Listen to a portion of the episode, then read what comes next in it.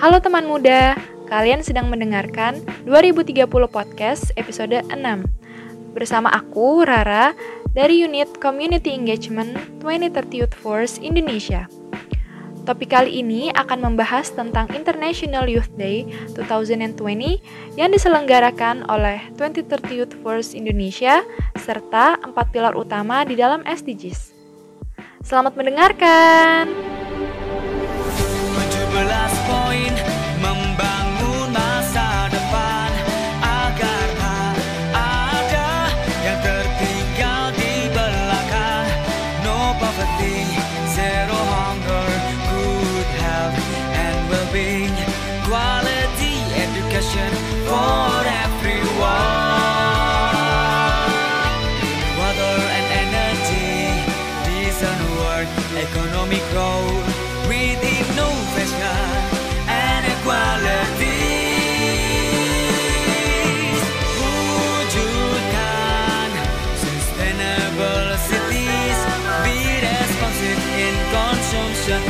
Halo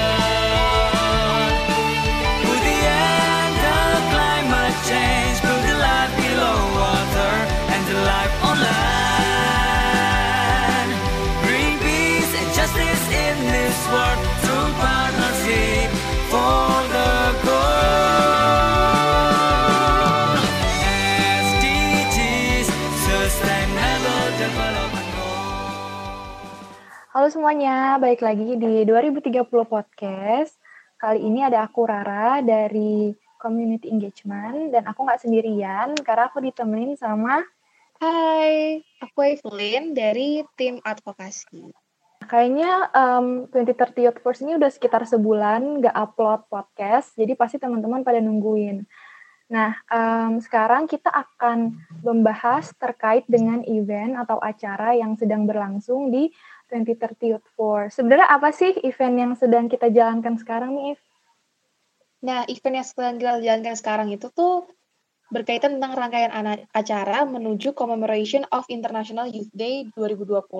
Jadi, kita punya Community of Practice, Focus Group Discussion, sama Consultative Meeting. Tapi yang baru berjalan sekarang nih masih Community of Practice, Kak. Untuk FGD dan Consultative Meetingnya menyusul setelah nanti International Youth Day. Oke. Okay, jadi International Youth Day ini beberapa kali Youth Force juga udah pernah merayakan ya.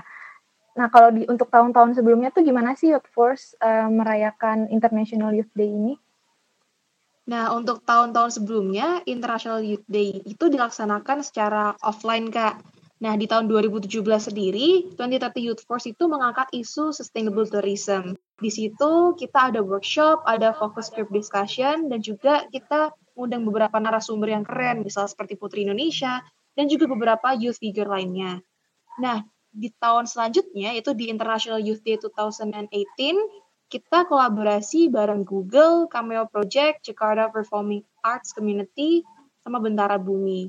Di sini kita mengadakan workshop di Google Office dan juga kita bareng sama beberapa pemuda dan komunitas pemuda lainnya di tahun 2018 sendiri kita mengangkat tema yaitu Safe Space for Youth.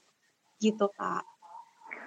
Wow, keren banget sih kedengarannya karena sebenarnya di tahun-tahun sebelumnya itu aku belum belum pernah ikut International Youth Day yang diadain sama Youth Indonesia. Cuman kayak kalau dari kedengaran tuh seru banget ya sih. Iya Soalnya sih, juga apalagi iya. kan kita kita kolaborasi sama banyak komunitas nih. Nah, di tahun ini juga kita pasti akan kolaborasi dengan lebih banyak orang lagi, Kak, gitu. Iya, soalnya kalau misalnya dilihat di tahun-tahun sebelumnya itu karena um, offline, jadi teman-teman dari organisasi-organisasi yang berpartisipasi di dalam IYD itu tuh juga bisa melakukan hal-hal yang interaktif kayak tadi Evelyn bilang itu ada workshop, terus juga ada um, teman-teman dari Putri Indonesia, terus stakeholders yang lain yang juga ikut berkontribusi untuk International Youth Day gitu ya. Nah kalau misalnya di tahun ini, kalau di tahun ini itu kan uh, memang agak sedikit berbeda ya karena kita tahu bahwa ada pandemi COVID-19 yang mengharuskan kita untuk tetap menjaga protokol kesehatan dan juga jaga jarak gitu. Nah, kalau untuk di tahun ini sendiri, uh, International Youth Day yang diadakan oleh 2030 First itu seperti apa sih?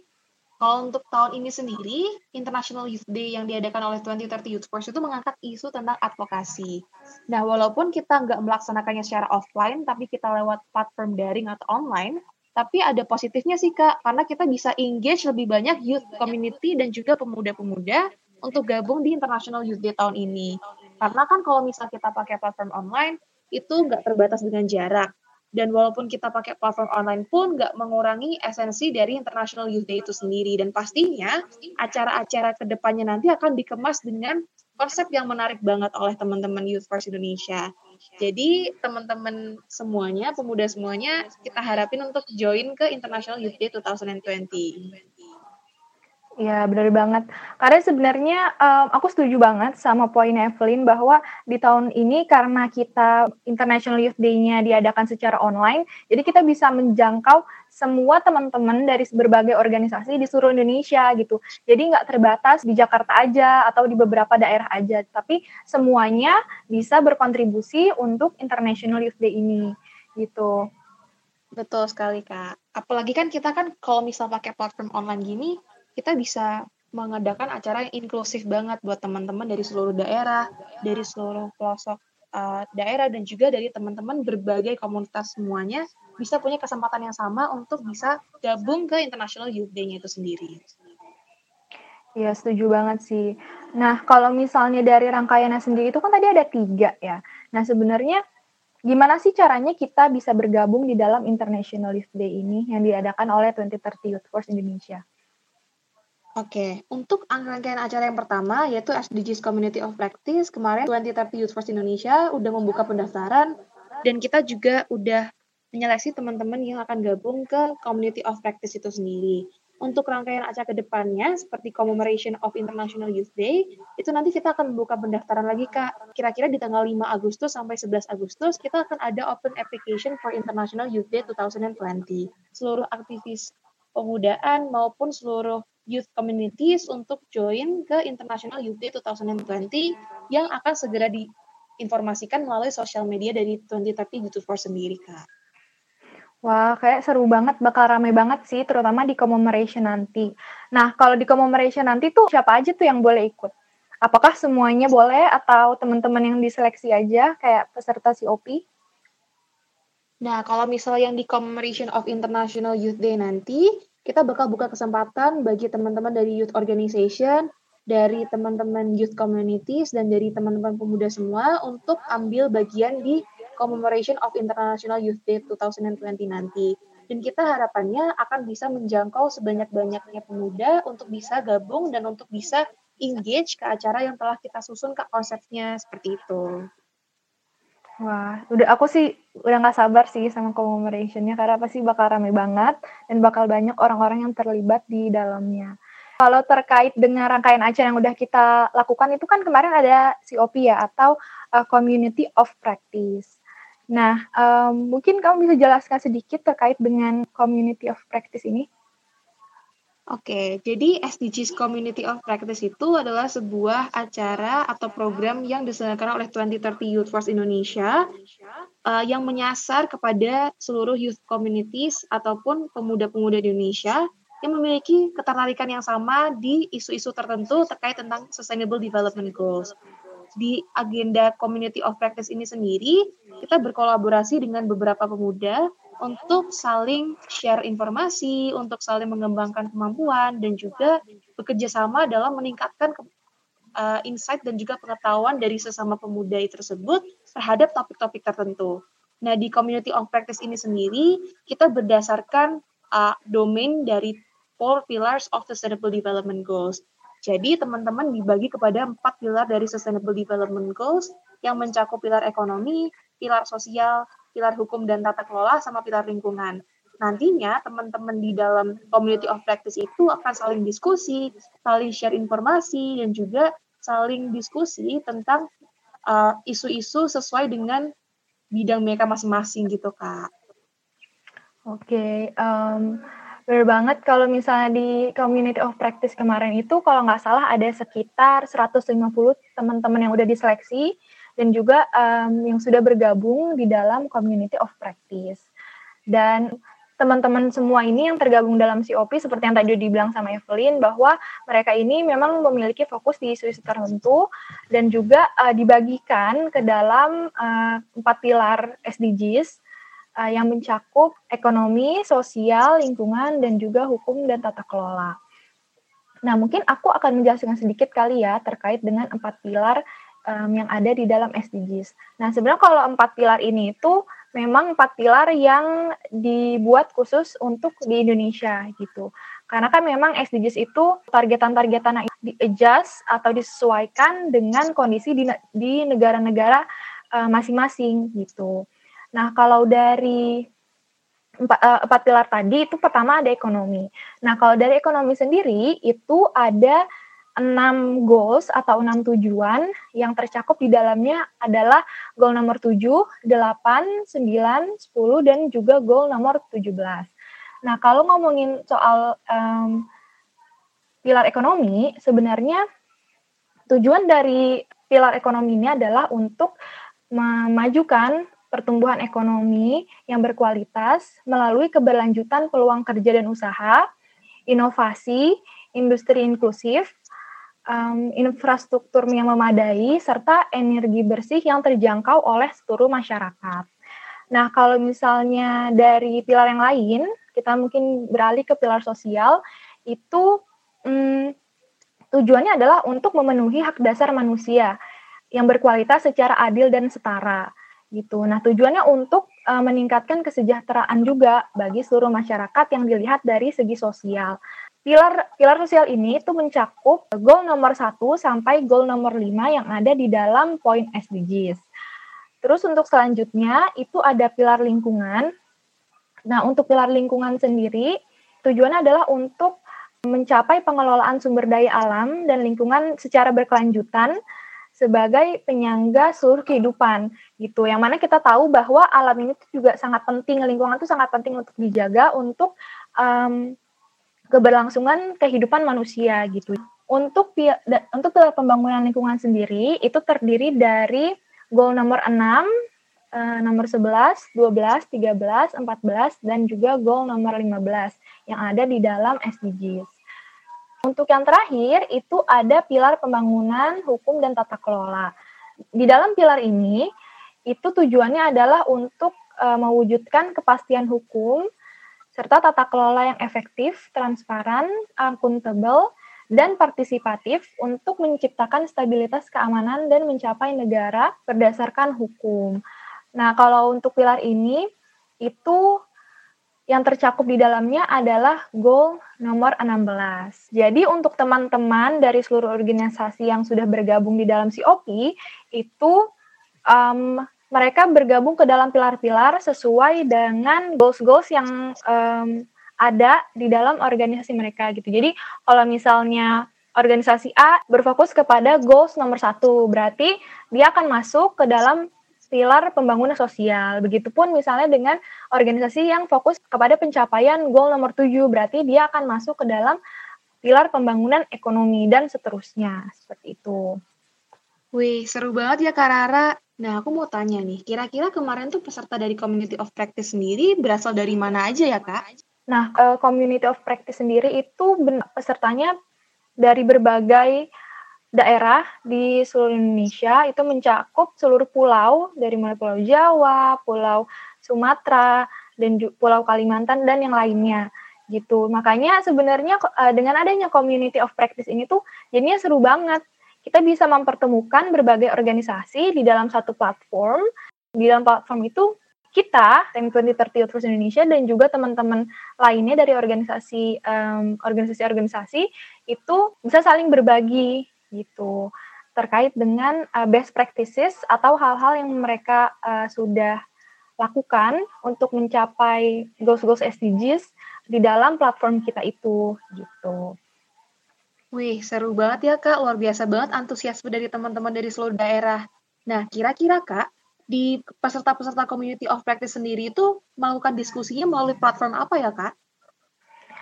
Kalau dari 2030 Youth Force Indonesia, kami menyediakan platform yang bernama Mighty Networks. Jadi peserta COP ini eh, setelah initial meeting kemarin yang sudah kita lakukan di tanggal 18 Juli, mereka kami sediakan platform untuk uh, tergabung di dalamnya nanti mereka bisa berdiskusi, terus juga bisa berkolaborasi di dalamnya. Nah, mungkin beberapa kegiatan yang kita lakukan di dalam Mighty Networks itu adalah hmm, pertama, tujuan adalah untuk mengengage mengengage peserta melalui diskusi dan juga berbagi pengetahuan. Jadi teman-teman dari berbagai organisasi ini bisa berdiskusi dan juga bisa um, bercerita terkait dengan organisasinya, apa yang sudah pernah mereka lakukan dan sebagainya. Lalu yang kedua ada empower yaitu uh, dengan melakukan aktivitas khusus dan juga saling memberdayakan. Jadi kita nggak cuma berdiskusi doang atau berbagi pengetahuan, tapi hmm, juga teman-teman dari organisasi-organisasi itu bisa berkolaborasi dengan melakukan aktivitas-aktivitas. Misalnya mereka pengen bikin webinar bareng atau mau bikin Instagram live bareng. Nah, mereka bisa tuh melakukan itu melalui platform kita. Jadi mereka bisa ngobrol-ngobrol, bisa berdiskusi dulu sama kira-kira acara apa nih yang mau mereka bikin. Dan itu juga tidak harus melibatkan 2030 Outpost Indonesia ya. Mereka bisa saling um, melakukan kolaborasi sendiri uh, nanti habis itu ya udah mereka bisa bikin acara mereka sendiri uh, melalui kolaborasi tadi gitu. Nah yang ketiga ada enable yaitu uh, dengan berpikir secara luas dan um, memahami kembali masalahnya serta tetap penasaran. Jadi maksudnya dengan adanya diskusi-diskusi dan juga dengan banyaknya peserta yang hadir, tentunya akan banyak informasi-informasi yang diterima oleh seluruh peserta yang tergabung dalam Mighty Networks tersebut. Nah, nanti mereka kan juga pasti akan tahu nih masalah-masalah atau isu-isu apa saja dari perspektif yang berbeda-beda gitu. Nanti uh, kita semua bisa saling tahu sebenarnya masalahnya tuh apa sih dan juga bisa meningkatkan rasa penasaran gitu. Karena kan kalau misalnya kita penasaran, semakin penasaran itu kita akan semakin cari banyak informasi gitu. Nah, itu yang uh, kita harapkan dari kegiatan di dalam platform ini. Terus yang terakhir adalah elevate, yaitu dengan cara saling mendukung satu sama lain. Gitu. Jadi um, di dalam platform ini, Mighty Networks ini, kita bisa saling mendukung dengan cara mensupport kegiatan atau mensupport teman-teman yang tergabung di dalam Mighty Networks ini. Wah, seru banget ya, Kak. Nah, pastinya setelah teman-teman gabung di Community of Practice, teman-teman pasti melahirkan banyak banget project yang bermanfaat buat lingkungan sekitarnya nih pastinya. Nah, kemarin ya, kan kita COP initial meeting, Kak. Nah, kira-kira kalau misal agenda tentang COP follow up meeting nantinya, itu gimana ya, Kak, ke depannya? Kalau untuk COP initial meeting nanti itu ada beberapa rangkaian acara. Nah, um, salah satunya adalah kita akan membicarakan terkait dengan isu-isu yang ada di keempat pilar tadi, gitu. Jadi teman-teman ini nanti dari empat pilar tadi itu akan memberikan insight terkait dengan isu-isu yang sebenarnya penting banget nih untuk nanti uh, dibahas di dalam FGD gitu. Nah, nah itu berdasarkan apa? Berdasarkan berdasarkan best practices atau berdasarkan kegiatan-kegiatan yang sudah pernah mereka lakukan sebelumnya gitu. Selain itu, kita juga akan melakukan campaign. Nah, campaign ini tuh bakal seru banget karena nggak cuma melibatkan teman-teman dari 2030 Youth Force atau juga teman-teman COP, tapi juga in, uh, campaign ini akan melibatkan teman-teman semua dari seluruh Indonesia, anak-anak mudanya itu untuk bisa menikmati campaign yang nantinya akan kita infokan lebih lanjut. Wih, seru banget nih Kak. Dengar-dengar, dengar-dengar deket-deket ini bakal ada webinar nih Kak. Mungkin bisa dijelaskan dikit, di-spoil dikit webinarnya kira-kira tentang apa nih Kak? Oh iya, jadi nanti uh, mungkin ya dekat-dekat ini sih kita bakal bikin webinar.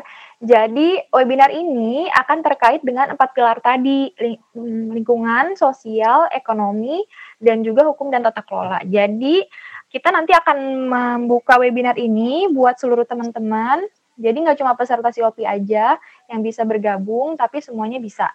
Untuk kegiatannya sendiri itu sebenarnya Webinar itu nanti rangkaiannya akan dibagi menjadi empat sesi. Setiap sesinya ini itu berdasarkan pilar-pilar, keempat pilar yang sudah tadi aku sebutkan gitu.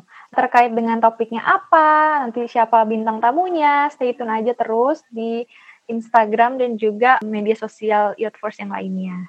Betul banget. Bagi teman-teman, jangan lupa untuk follow kita di Spotify, uh, dan juga follow kita di sosial media Instagram dari 2030 Youth Force Indonesia. Oke, jadi um, mungkin itu sedikit pembahasan, sedikit atau banyak sih, terkait dengan International Youth Day. Dan untuk ke depannya kita akan ada beberapa sesi podcast terkait dengan International Youth Day ini. Tapi kita bukan cuma mau ngomongin tentang apa sih International Youth Day dan segala macam, tapi kita juga bakal mengundang speaker-speaker, pembicara yang asik buat kita ajak ngobrol terkait dengan diskusi-diskusi yang berkaitan uh, dengan IYD. Nah, selain itu juga nanti bakal ada teman-teman atau partisipan COP yang juga akan mengisi podcast ini gitu. Jadi jangan lupa untuk selalu stay tune dengerin podcast kita dan juga follow kita di sosial media untuk tahu kegiatan-kegiatan apa sih yang kita lakukan di 2030 Youth Force Indonesia. Untuk semuanya, terima kasih sudah mendengarkan. Jangan lupa untuk ikuti terus Spotify kita karena kita akan membahas terkait dengan SDGs dan juga event-event yang kita laksanakan terkait dengan pembangunan berkelanjutan. Sampai jumpa di podcast selanjutnya. Sampai jumpa teman-teman. Stay safe, stay healthy, and have a nice day.